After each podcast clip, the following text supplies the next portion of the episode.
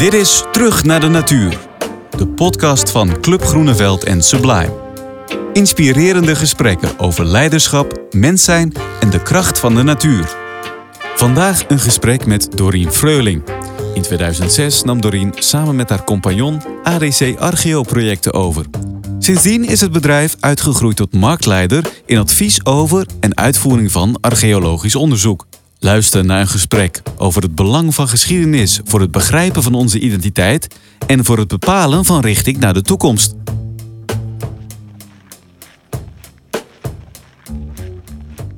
Doreen, we lopen hier over een pad Ja. waar al, zo vertelde je me, 4000 jaar geleden mensen liepen. Ja. En jij hebt deze plek uitgezocht om hier te lopen. Waar zijn we en waarom lopen we op dit zo oude pad? Ehm, nou, we zijn in, eh, op de Westerheide. In Hilversum, eigenlijk tussen eh, Hilversum en Laren in. Volgens mij is het zelfs officieel Laren. Het ligt daar precies tussenin. Eigenlijk is heel Hilversum omgeven door hei. Maar ja, ik vond dit mooi omdat het wat dingen bij elkaar brengt. eh, waar ik eh, warm voor. En dat is eh, geschiedenis, cultuur en, eh, en, en het buitenleven. Nou, en als je hier kijkt, dan dat zie je hier nu nog niet. Maar verderop weten we dat er een aantal grafheuvels liggen. Nou, die zijn zo pak een beetje zo eh 4000 jaar oud. Maar ik denk dat de hei hier hebben ook al mensen nog veel eerder rondgelopen. Eh, ik denk al wel zeven. Ik geloof dat de eerste vondsten hier zijn gedaan al 7000 jaar geleden. En we lopen inderdaad eh, een eh, dinsdagmorgen. Prachtig weer. Ja, Een heide met om ons heen een bos. Strak blauwe lucht. De natuur geeft ons af en toe prachtige cadeaus. Ja. En dus 7000 jaar geleden al verbinden we onszelf met die groep misschien. Ehm, je zei het al, het verbindt verschillende interesses van jou. Ehm, je werkt voor ADC. Kun je iets vertellen over wat jij al bezighoudt, in elk geval wat je, wat je daar doet en wat die interesses zijn? Eh, nou, ADC uh, Archeprojecten is een archeologisch bedrijf, een opgravebedrijf. En we graven door heel Nederland, maar tegenwoordig ook in Vlaanderen. En trouwens ook onder water. Dat zou je hier niet zeggen als je hier om je kijkt. Maar eh, nou ja, we kijken terug. Eh, en daarmee eh, proberen we eigenlijk eh, ons cultureel erfgoed ook voor de, voor de, voor de toekomst eh, te bewaren. Wat archeologen doen is eigenlijk een, eh, een grondarchief naar een papieren archief vertalen. Dus zo komen we meer over het verleden te weten. En dat is wat, wat het ADC doet. En dat doen we voor projectontwikkelaars, bouwbedrijven, maar ook voor Rijkswaterstaat, ehm, gemeenten, provincies. Ah, ja. Ja. Nou, en dat is wat het ADC doet, ja. Du- Dus, dus je maakt van de, wat, hoe zei je het nou? Van de, Grondarchief. Ja. Het ach, bodemarchief, zo moet je het eigenlijk zeggen. ja, Het bodemarchief, eh, wat archeologen doen, is dat, dat eigenlijk eh, opgraven en dat vertalen. En daar een papieren archief eh, van maken, in de vorm van een rapport bijvoorbeeld. Klinkt ook enigszins saai Ja. als ik het... Als ik het zo zeg, hoor ik dat ook. En nu is het toch weer helemaal niet. Eh, Oké, hè? de, de, de tweede vraag die er misschien onder sluimert is, ik ben in gesprek met jou Ja. en natuurlijk niet met de ADC. Nee. Eh, waarom eh, werk je daar? Ja. Waarom is het niet saai? Ja, eigenlijk is het. eh, nou, misschien moet ik ook wel even, als het over mij persoonlijk gaat, ook wel weer wat meer terug. Eh, ik, ik ben geboren in Groningen en eh, opgegroeid in Rode, Noord-Drenthe. Eh, buiten, eigenlijk ook op bij de hei en de bossen. Dus eh, wat ik hier omheen zie is voor mij eigenlijk heel vertrouwd, we nu in Hilversum lopen. Ehm, en ik speelde vroeger al met mijn zusje Hunebed Bouwertje. Dus voor mij was dit, eh, daar zit de passie vanuit het verleden voor geschiedenis. Ik ben ook geschiedenis gaan studeren. Dus ehm, ja, ik voel me heel erg verbonden met het verleden eigenlijk. En dat je dat dan ook uiteindelijk als je eh, werk mag beschouwen, dat je daar nog steeds bij betrokken bent. Ja, dat is natuurlijk prachtig. Hoe werkt dat? Verbonden voelen met Ja. je verleden? Nou, eh, voor mij is het nooit iets geweest van. ehm, dus ik, ik probeer het nu onder woorden te brengen. Maar voor mij, is, voor mij is het nooit iets geweest dat dat zo heel bewust is. Maar dat is eigenlijk altijd logisch geweest. En mijn zusje heeft ook geschiedenis gestudeerd. Mijn vader was heel geïnteresseerd in geschiedenis. Eh, het is altijd een onderdeel geweest van, eh, van het leven. En dat je ook begrijpt waar dingen vandaan komen of waarom dingen zijn zoals ze zijn. En ja, dat geeft. eh, dat maakt ook veel duidelijk voor hoe dingen nu in de wereld in elkaar zitten. En nou ja, dat is het leuke met, met, met archeologie. Dat je eigenlijk dat verhaal mag gaan vertellen. En wat ik net zei, hè, met die rapporten, dat, dat merk ik zelf ook. Dan, dat klinkt dan een beetje saai, maar als je met archeologen praat die aan het graven zijn, dan klinkt dat nooit als een rapport. Dus als zij hun verhaal vertellen, dat is eigenlijk het allermooiste. En dat, eh, en dat vergeten we soms ook wel eens, ook als archeologen. Omdat wij in structuren werken, omdat we op een bepaalde manier eh, moeten opgraven. Daar zijn regels ervoor enzovoort. Maar ja, bij elke archeoloog voel je die ver- ver- verbinding naar het verleden toe. Ja, ze zijn niet voor niets archeoloog. Nee. En daar zit, en daar zit natuurlijk de... En al die mensen die ooit archeoloog wilden worden, die zijn er ook nog. Want die kom ik altijd tegen. hoe vaak Oh ja, dat vertel niet- eens. Nou, hoe vaak dat niet gebeurt, dat ik ergens sta te praten en ze vragen wat je doet en vertel het. Hoe vaak en dan iemand zegt, ja, dat wilde ik vroeger ook. Ik wilde ook archeoloog worden. En heel veel mensen hebben dan ook beelden hè, van, van, van Egypte met piramides en dat soort zaken. Maar als je bedenkt wat er in Nederland allemaal onder de grond ligt en wat hier allemaal gebeurd is.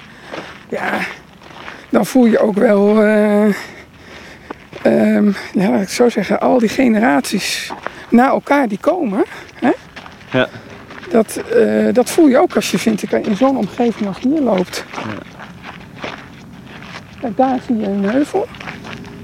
Zie je dat in het landschap, dat gedeelte? Ja. Ja, dit is een van de grafheuvels die hier liggen. Daar, liggen, daar zijn eh, mensen eh, onder begraven van, van, uit de bronstijd. En ehm, ja, wat je, het mooiste is natuurlijk toch... In die tijd hebben mensen hun doden dus ehm, een bijzondere plek willen geven. En ehm, met zorg begraven of gecremeerd. In dit geval zijn het vaak crematies. En dat is natuurlijk wat die grafheuvels ook zeggen. Het mooie is, we bijvoorbeeld ook in... eh, kun je het zien? Hier, daar. Maar dat is ook wel heel leuk. Ik heb ook zelf ook in de loop van de jaren dat ik bij het ADC werk ook steeds beter naar landschap leren kijken. Want eigenlijk keek ik zo helemaal niet. Want ik ben historicus, dus ik kijk toch meer naar de verhalen en zo. We komen er straks nog wel wat meer tegen. maar nog een andere tegen die wat groter is. Maar dus daar liggen nu nog, op dit moment liggen daar ja, nog... daar liggen, eh, kijk, eh, je weet niet, eh, het wordt natuurlijk, iedereen doet zijn best om het goed te bewaren, maar er gaat natuurlijk ook wel eens wat kapot, maar het is wel beschermd. En ehm, eh, daar liggen dus vaak potten met, met inhumaties, met, met menselijke resten nog in. En je noemde het zelf eigenlijk al, eigenlijk bij geschiedenis, maar ook wel over archeologen. Eh, het is, geschiedenis is in die zin verhalen vertellen. Ja. Ja, en, en dat eh, vind ik eigenlijk dat we dat als archeologen nog veel meer mogen doen. Ehm, ik ben natuurlijk historicus, dus ik ben iets meer aan gewend, zullen we maar zeggen. Ja. Maar ehm, ehm, ja, archeologie is natuurlijk ook, ik zei het net ook al, is, is een, in de loop van de tijd is het iets geworden wat ook ehm, verplicht is. Hmm. En daarmee komen regels en eh, komen afspraken over hoe je dat doet. En op een gegeven moment ben je inderdaad eh, meer bezig met het rapport dan met het verhaal. En eh, nou, daar zijn we eigenlijk nu ook bij ADC mee bezig om dat op een andere manier te doen. Die rapporten moeten, maar daarnaast ook toch meer aandacht te, te besteden aan als we iets bijzonders hebben opgegraven. Om daar een, eh, eh, ja, het verhaal ook bij te, eh, te geven en de mensen uit de omgeving bij te betrekken. En wa- waarom is dat verhaal belangrijk? Waarom is het belangrijk dat mensen dat verhaal kennen? En waarom is het Ja. belangrijk om mensen uit de omgeving daarbij te betrekken? Ik, ik vond het wel mooi, we hadden van de week die bijeenkomst met Thomas Rauw en die gaf eigenlijk op een gegeven moment in het eerste gedeelte van de, van de bijeenkomst gaf hij aan van ja, eigenlijk ontzettend belangrijk dat we goed geschiedenisonderwijs hebben. Want als we onze geschiedenis kennen, dan kunnen we veel meer, eh, dan beseffen we veel beter waar dingen vandaan komen, maar ook dus naar de toekomst toe hoe we verder moeten. Hmm. En ik, dat is ook de missie van het, eh, van het ADC, is ook eh, ja, eigenlijk een goede kennis van het verleden. Dat geeft ehm, ook voor de toekomst betekenis. Hè? Ja. En dat is, denk ik, als je kijkt naar de huidige samenleving met alle polarisatie en alles, is zo belangrijk dat we een soort van gezamenlijke, gezamenlijk verhaal hebben. Ja. En dat mensen zich ehm, ja, prettig voelen in de samenleving, dat eh, er herkenning is. Toen wij hier net kwamen wonen, toen gingen we ook uitzoeken. Dat zat met de erfgooiers en zo. Wij woonden hier nog niet. en dan denk je, goh, waar wonen we dan? Waar zijn we komen te wonen? En dan voel je je meer verbonden met de omgeving. En dat gebeurt dan ook. Dan voel je je ook dat meer. gebeurt ook. Ja, dat gebeurt als je de verhalen van hier kent. Ja, dan, eh, terwijl ik toch eh, uit het noorden kom en mijn man komt uit het zuiden, komt uit Breda. En we zijn hier gaan wonen. ehm, dan begin je steeds meer ehm, ja, te voelen voor de omgeving waar je woont. Je wil, ook, je wil je daar ook thuis voelen. Het, raakt voor mijn gevoel ook aan identiteit of aan gemeenschap. Geschiedenisarcheologie is eigenlijk, we bewaken met z'n allen een soort collectief geheugen. En ik, zeg ook altijd, eh, ja, wat is een mens zonder geheugen? Wie ben jij? Als jij geen, geen eh, verleden hebt eigenlijk. Nou, en ik vind dus ook van, eh, voor een samenleving, voor een, maar ook in alle groot, eh, als je naar de wereld kijkt, dan is het dus ontzettend belangrijk eh, dat we weten in, dat we in een lijn leven van, van voorouders die ook allemaal eh, keuzes hebben gemaakt die, die ehm, verhalen hebben meegemaakt die we allemaal niet meer weten, maar die we misschien nog wel een beetje terug kunnen vinden. Wat mij intrigeert hierin is dat. Ik moet denken aan eh, Martin en Oopjen. Ehm, die worden teruggehaald door de Nederlandse overheid en eh, door het eh, Rijksmuseum. En dan wordt het, en dat is een paar honderd jaar geleden natuurlijk, eh, zijn zij geschilderd door Rembrandt. En dan is het ze komen thuis. Maar dat is een soort hele nauwe vorm van identiteit. Als Ja. ik denk waar we nu lopen, op een 7000 jaar Ja. oude verbinding met mensen van 7000 jaar oud. Ja. Hoe zie jij dat verschil? Of, of, of hoe, was een andere vorm van verbondenheid of een andere vorm van identiteit misschien? En daarom vind ik eigenlijk ook archeologie zo mooi. Kijk, in die tijd, als je hier, eh, mensen die hier toen leefden, eh, die mensen die ehm, hadden geen grenzen, die hadden geen.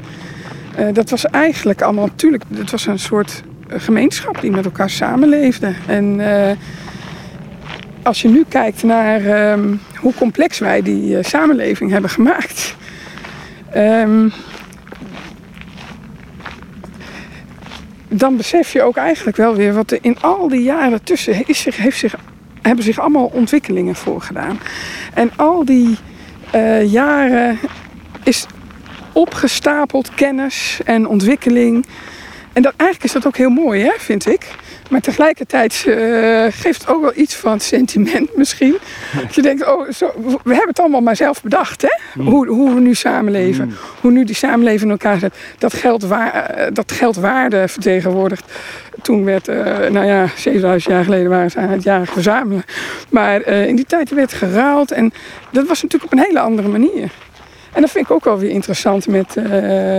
als we nadenken over waar wij als samenleving naartoe gaan. En niet dat we weer terug moeten naar ruilen en zo. Maar het mag soms ook wel eens iets minder complex. Ja. Als mensen hun eigen pensioenen niet meer begrijpen. En de economie zo complex is geworden. Het zijn ook allemaal maar verzinsels. Ja. Nou, hier zie je er een hele duidelijke. Zie je die? Hier voor je? ja, ik zie hem. Ja. Ik zou, ik zou, als ik niet, ik zou het een terp noemen volgens mij in mijn Ja, totaal. Ze hadden hier wel droge voeten hoor. Dus dat was niet nodig. Dit is een soort van eigenlijk ontstaan door, een- door een stuwwal. Ik geloof in de voorlaatste ijstijd hier.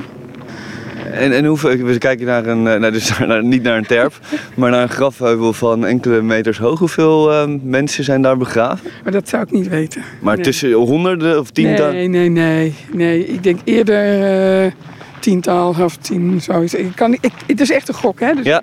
Dan krijg ik alle, alle kennis over me heen natuurlijk.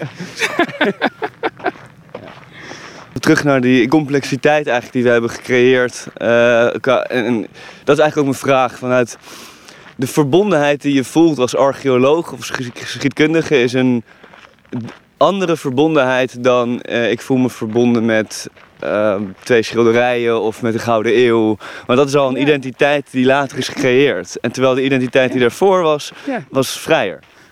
Nou, ik denk dat het goed zegt. Eh, ehm, archeologie is ook soms minder elitair, als ik het dan zo mag zeggen. Ik, ik ben een beetje voorzichtig om dat woord te gebruiken, dat wil ik eigenlijk helemaal niet. Maar voor heel veel mensen is ook eh, een schilderij of kunst staat tot op zekere hoogte nog veel verder van hen af.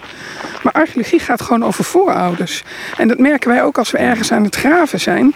Eh, en ook als we materiaal naar boven halen en mensen dat mogen aanraken of daar. Hè, dat, dat geeft iets van, jeetje, dit is. ehm, dit zijn onze voorouders. Ja. Dus het staat eigenlijk best dichtbij eh, mensen. En voor kinderen vind ik ook. eh, Het materiaal is heel concreet. Je kan het vastpakken. En, en dat, dat is denk ik ook waarom heel veel kinderen het interessant vinden om archeoloog te zijn. Ehm, je mag het materiaal aanraken. Ja, ja, nu natuurlijk niet als we het allemaal hebben opgegraven. Het moet naar het museum is het anders. Maar daar zit natuurlijk... ehm, Ja, Ja. Dus, dus gek genoeg zit er eigenlijk een, is het een directere verbondenheid. Het staat eigenlijk dichter bij je, ja, omdat het ontdaan is misschien van nou ja, de complexiteit die erna kwam. ja, dat zeg je goed.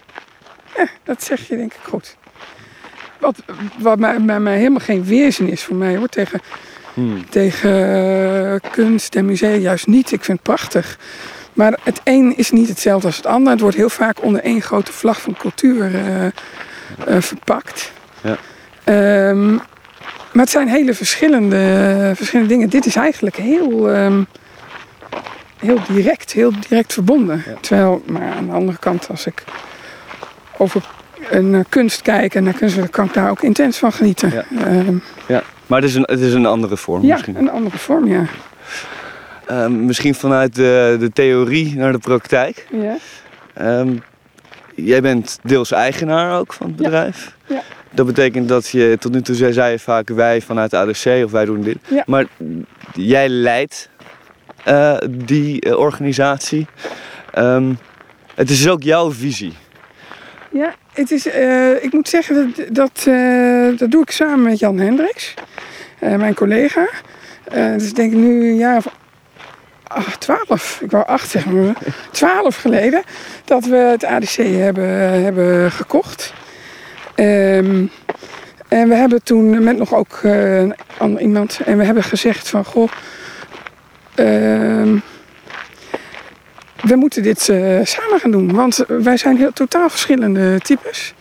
Eh, Jan is bedrijfseconoom, ik ben historicus. Ik had wat meer saleservaring, dat soort dingen. Dus was Rapporten en verhalen. zoiets. En ehm, eh, wij hebben eigenlijk... eh, hij, hij zat in de tijd bij ons in de Raad van Commissarissen. Hij zei van, goh, doe je mee? En toen dacht ik van, nou, dat vind ik ontzettend interessant. Dat is eigenlijk ook best een mooie kans. En ehm, toen zijn we daar samen ingestapt. Ieder vanuit zijn eigen perspectief en achtergrond. We hadden toen nog alle twee kleine kinderen. Inmiddels wat eh, groter. Maar hebben... toen, daardoor konden we het ook heel goed eh, samen combineren. En ja, het heeft ook gewoon te maken met onderling vertrouwen om dat ook samen te kunnen doen. En daarom praat ik vaak over wij en ook eigenlijk ook wel over, eh, over eh, de organisatie. Hmm. Want ja, we, hebben nu meer dan 130 mensen in dienst. En die graven, die, dat zijn eigenlijk de mensen die elke dag in het veld staan en aan het graven zijn. Ehm, en tegelijkertijd, eh, misschien moet ik dan jullie zeggen, maar is er wel degelijk, moet er altijd een leiding zijn die de lijnen Ja. uitlegt? Ja, wat ik wel, wat ik wel echt heb gezien is eh, in de, tijdens de crisis dat het. eh, want wij hebben natuurlijk ook. Archeologie is helemaal vastgelegd in de ruimtelijke ordening. Hè? Dus dat weten heel veel mensen niet. Maar we houden gewoon onze eigen broek op. Het is niet zo dat wij allerlei subsidies krijgen. Ehm, dus er zit echt een projectorganisatie achter. Met een hele duidelijke structuur en ook gewoon, eh, ja, we moeten ons eigen broek ophouden. En dat is nog niet eens altijd zo makkelijk. Ehm, Nee, want je bent begonnen in 2006. ja. Dat is niet het Eh, fijnste startpunt. ADC is al veel, het ADC is al veel ouder. Ehm, want het bestaat eh, volgende week 420-jarig bestaan. Maar ehm, inderdaad, in 2006 zijn we begonnen. Hebben wij het overgenomen. En eigenlijk zie je dat als je naar zo'n periode kijkt, dan moet je ook gaan nadenken over waar wil je naartoe. En 2006 inderdaad zagen we de crisis aankomen. Er zijn er wat meer laatcyclies zaten erin, dus eh, we konden ook onze maatregelen nemen. Maar de eerste jaren ging het nog booming.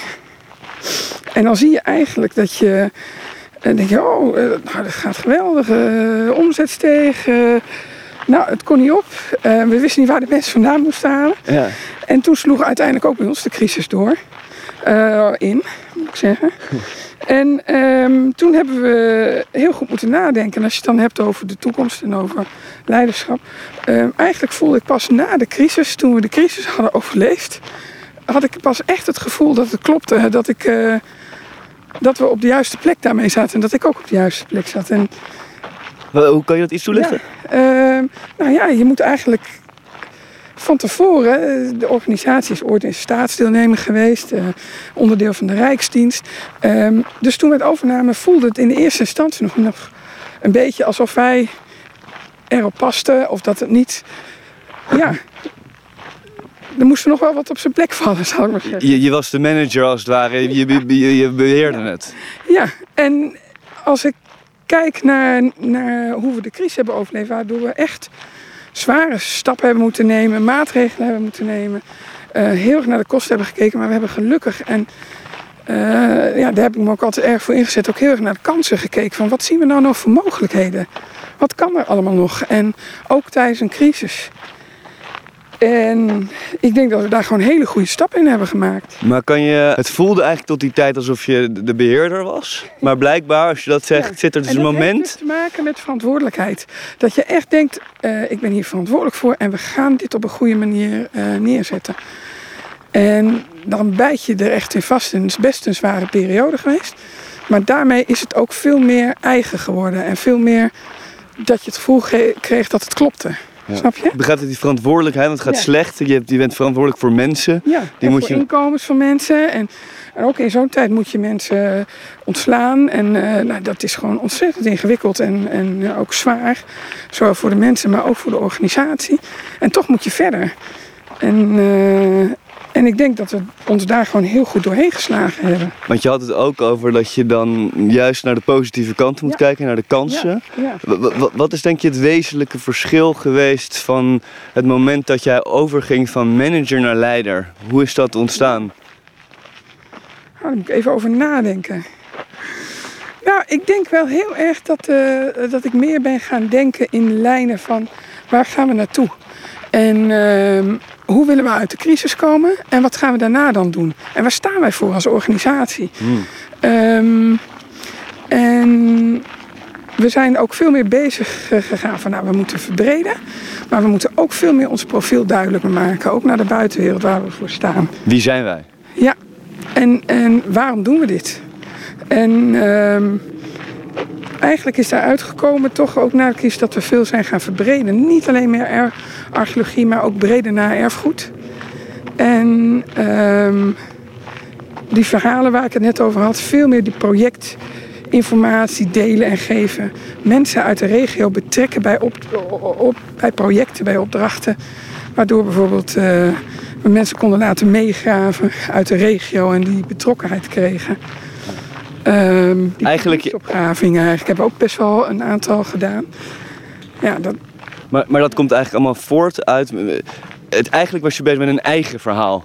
Ja, eh, dat, ja meer. En ook, ehm, je, je ziet ook van ja, ehm, nu is er, de wetgeving is er om archeologie eh, te moeten opgraven en dergelijke. Maar je ziet eigenlijk ook dat het belangrijk is dat je zorgt dat, dat, dat er draagvlak blijft in de samenleving voor wat wij doen. En eh, door de samenleving meer te gaan betrekken en niet alleen puur met de projecten bezig zijn, krijg je eigenlijk een veel betere balans in je organisatie. Kijk, archeologie is natuurlijk van iedereen. En alleen wij moeten het opgraven en daar krijgen wij geld voor. Ehm, en dan zit je in een soort spagaat tussen die twee. Je wil zakelijk strak goed opgraven en zorgen dat er een mooi rapport ligt. Ja. En aan de andere kant zeg je ja, maar wacht even. Dit kan niet zomaar naar een depot of het kan niet zomaar ergens verdwijnen. Wij moeten hier wel over vertellen. En, en eigenlijk is dat een soort ingewikkelde spagaat waar we als archeologen soms in zitten. En ik denk dat wij in de loop van de tijd, de afgelopen periode, het voor elkaar hebben gekregen om die twee, die, misschien die ingewikkelde spagaat wat meer bij elkaar te brengen.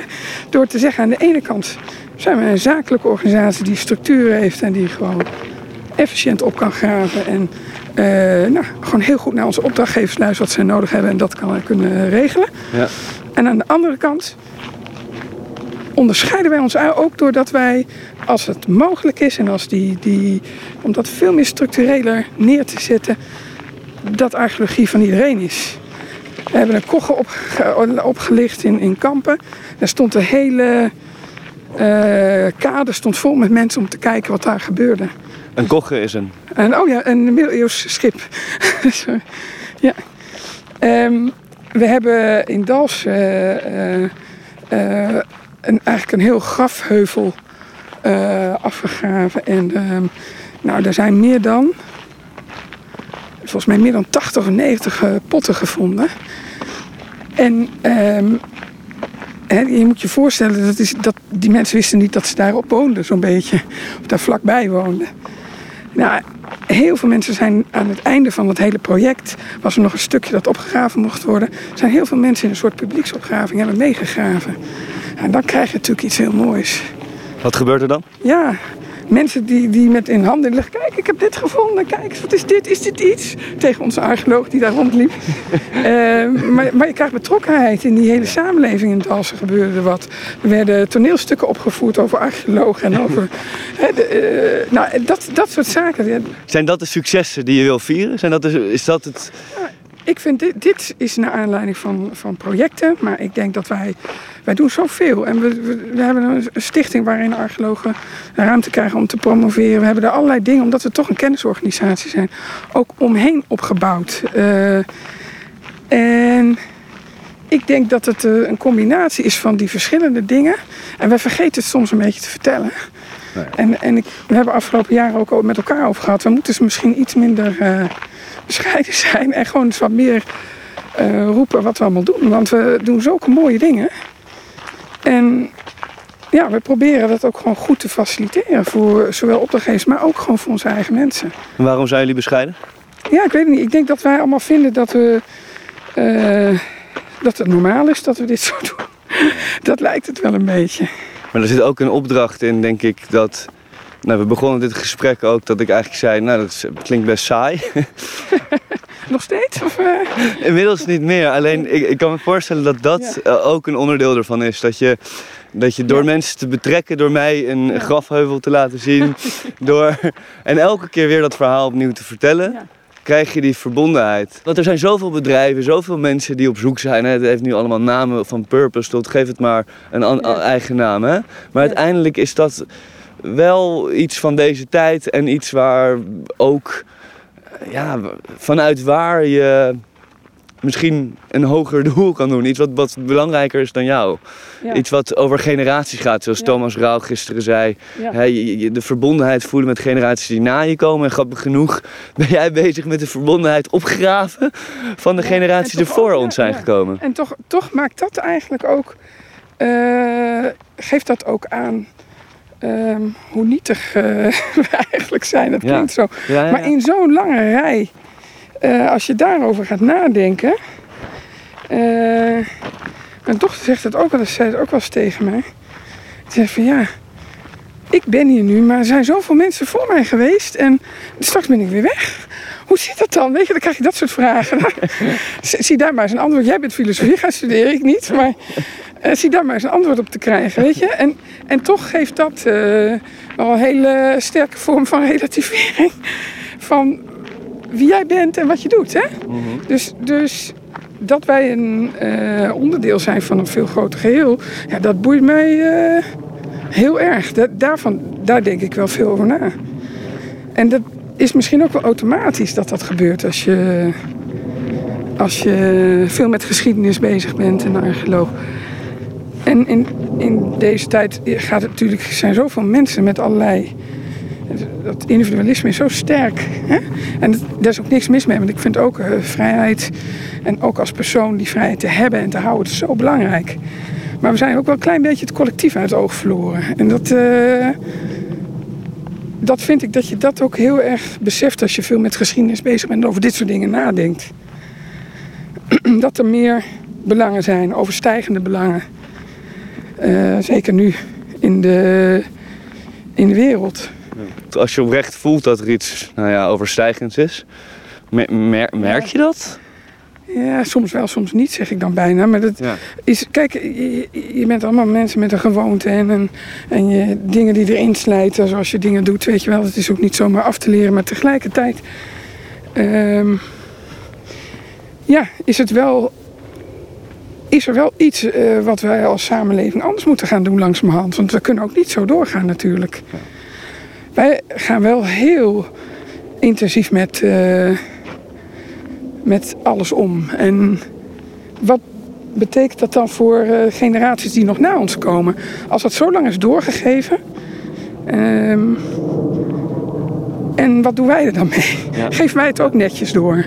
Dat besef is denk ik ook wel heel belangrijk. En als je dat vertaalt naar, ehm, nou, naar je eigen organisatie, of naar je leiderschap, om het zo maar te zeggen. Oh, nou, ik weet nog, eh, ik denk dat dat bijna twintig jaar geleden, toen werd ik eh, eh, manager of, eh, of eh, wat was het, ging ik leiding geven aan het eh, team.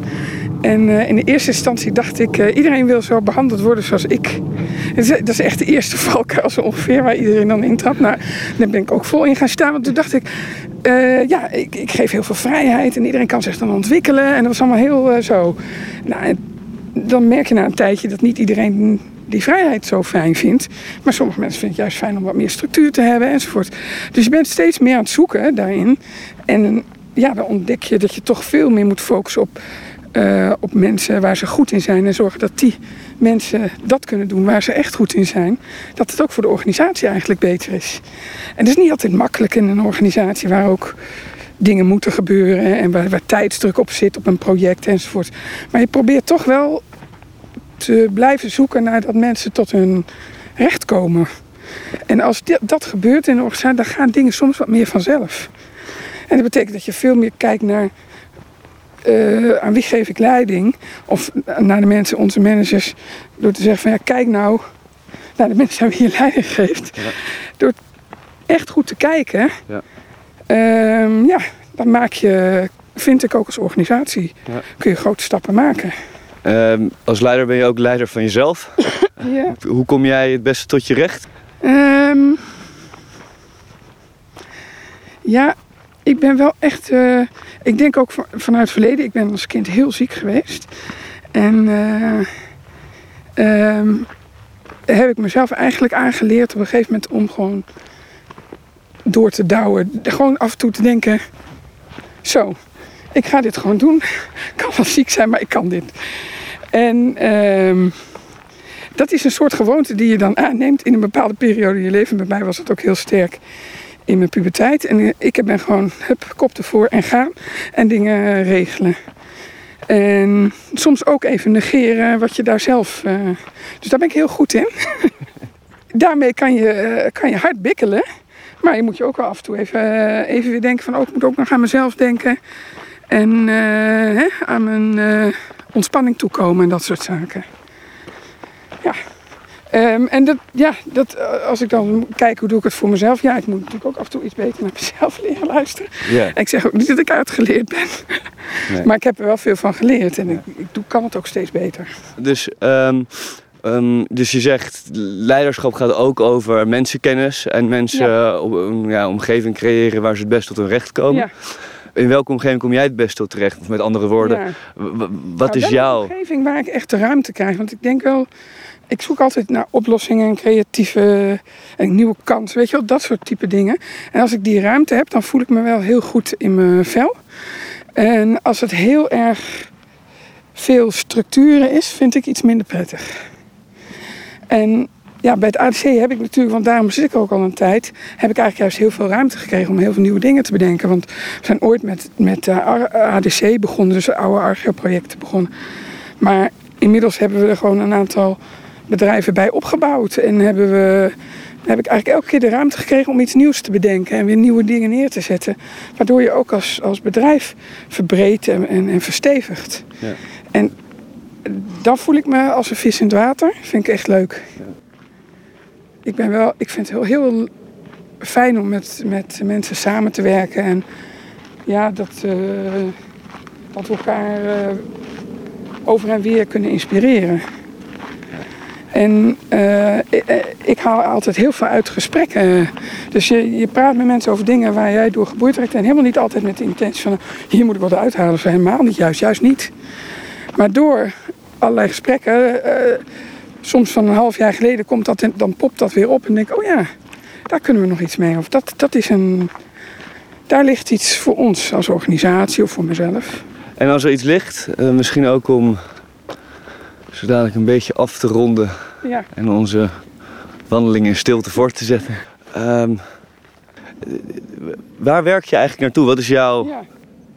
missie, visie, purpose? Nou, kijk, als ik echt heel persoonlijk... Ik vind, zou ik vind echt ook uh, geschiedenisonderwijs, bewustzijn daarin... Ik, dat vind ik echt persoonlijk ontzettend belangrijk. Um, omdat ik denk dat we daarmee... Uh, uh, daarmee kan je een hele goede basis leggen voor mensen. Dat mensen beter begrijpen waar ze, waar ze zijn en waar ze wonen. Um, en dat doet ook iets voor een samenleving. En eigenlijk is dat ook, als ik kijk naar het uh, doel en de missie van het ADC. Ja, wij zeggen elke keer van ja, wij moeten vanuit, vanuit uh, uh, kennis van het verleden. moeten we eigenlijk zorgen dat we daarmee begrip de, de huidige tijd begrijpen. En als het ADC dat soort dingen, middels opgravingen en op een goede manier, want we werken ja, gewoon met een club met hele goede mensen. Uh, als we dat kunnen neerzetten, nou, dan ben ik wel heel blij. Als meer mensen dat daar, als we dat met meer mensen kunnen delen. Dus dat we het niet geheim houden. Dus de, de, de opgegraven werkelijkheid naar boven brengen en dat met elkaar delen. Ja, ja dat zeg je goed. Ja. Ik zie het wel voor me. Nou, we zouden nog wel wat meer kunnen visualiseren. Voor de provincie Noord-Holland doen we bijvoorbeeld het Huis van Hilde. En daar staan gewoon mensfiguren uit allerlei perioden. En uh, dat maakt het voor heel veel mensen heel concreet. Want zoals we hier lopen, ik, ik, ik wees net een grafheuvel aan, daar liggen er weer twee. Er staat ook een bordje bij, zie je nog? Ja. Het wordt goed beschreven. Maar uh, weet je, soms moeten we ook uh, mensen die dat bijvoorbeeld uh, niet meteen zien wat er onder de grond is. En ja. voor, voor mij, als ik iets zie, um, een structuur of iets, dan, dan zie ik wat daar heeft gestaan. Ja. Dus ik zie dat blijkbaar in mijn hoofd. Ja. Maar dat heeft niet iedereen. Nee. En, en, daar moeten wij als archeoloog en ook historici moeten we mensen mee helpen, denk ik. En ik kan me ook voorstellen dat het, het gaat dus niet over archeologie. Het gaat over verbinden van verhalen. Dus als ik kijk, nou ja, misschien nog even maar een opium aan te halen. Maar dat is ook een onderdeel van. Dus als je dat verbindt aan die tijd. Als je dat verbindt aan wie we zijn. En dat verbindt misschien aan de opgravingen uit die tijd. Ja. Dan creëer je het verhaal. Een heel groot uh, geheel, ja. En daar ben ik het helemaal mee eens wat jij zegt. Want, en daarom zeg ik eigenlijk... Um, die schilderijen die waren eigen, die zijn dat is een, uh, voor wat een archeoloog een vondst is. Maar er is heel veel aandacht dan voor zoiets. Terwijl um, als je kijkt wat de archeologie dan bijdraagt aan dat verhaal, daar is, vind ik, niet altijd even veel aandacht voor. Daar kunnen wij als archeologen dus wat aan doen. Dat is dus ook een wat ik net probeerde uit te leggen met waar we naartoe zouden moeten. Dat is ons doel. Maar daar vind ik ook dat de samenleving daar meer aandacht aan kan besteden. Want die schilderijen zijn eigenlijk de vondsten van ons. Zoals wij fondsen. Maar dan is het, staat heel Nederland op zijn kop voor één of twee schilderijen, moet ik zeggen. En daar gaat heel veel geld dan in één keer naartoe. En archeologie, dat kabbelt een beetje. En dat vind ik soms zo jammer. Ja.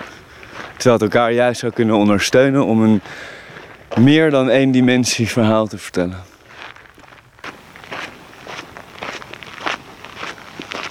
We lopen weer bijna het bos in. Ja. We hebben heel veel over verhalen gehoord eigenlijk. Over welk verhaal er misschien wel verteld kan worden. Een multidimensionaal verhaal over het verleden. En wat het verleden ons zegt over het heden. Voordat we het bos inlopen, Doreen.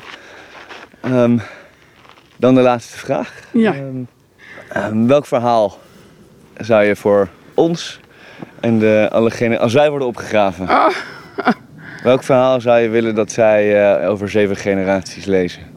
over onze samenleving. Of over persoonlijk. Ja, wat is het verhaal wat we zouden moeten vertellen, of wat jij wil vertellen aan die zeven generaties eh, na ons? Nou, dat wij eigenlijk in onze samenleving, in onze periode, een omwenteling hebben gemaakt in de samenleving naar een veel. Ja, ehm, nou laten we zeggen, ik vind op dit moment dat we met heel veel oplossingen ook bezig zijn. Eh, we kunnen heel negatief doen. En je hoort nu via internet natuurlijk alles eh, wat er misgaat. Maar er gaat gelukkig ook heel veel goed. En er zijn ook heel veel ontwikkelingen die ook heel hoopvol zijn. Als we kijken in Wageningen wat er allemaal wordt ontwikkeld. eh, waar we als samenleving ons voordeel mee kunnen doen. De gesprekken die we van de week hebben gehad met, eh, met eh, Thomas Rauw. Dan zie ik ook nog wel heel veel perspectief. Het zou mooi zijn als wij, eh, als er terug wordt gekeken, dat er toen een soort omwenteling is geweest. Op een rustige manier.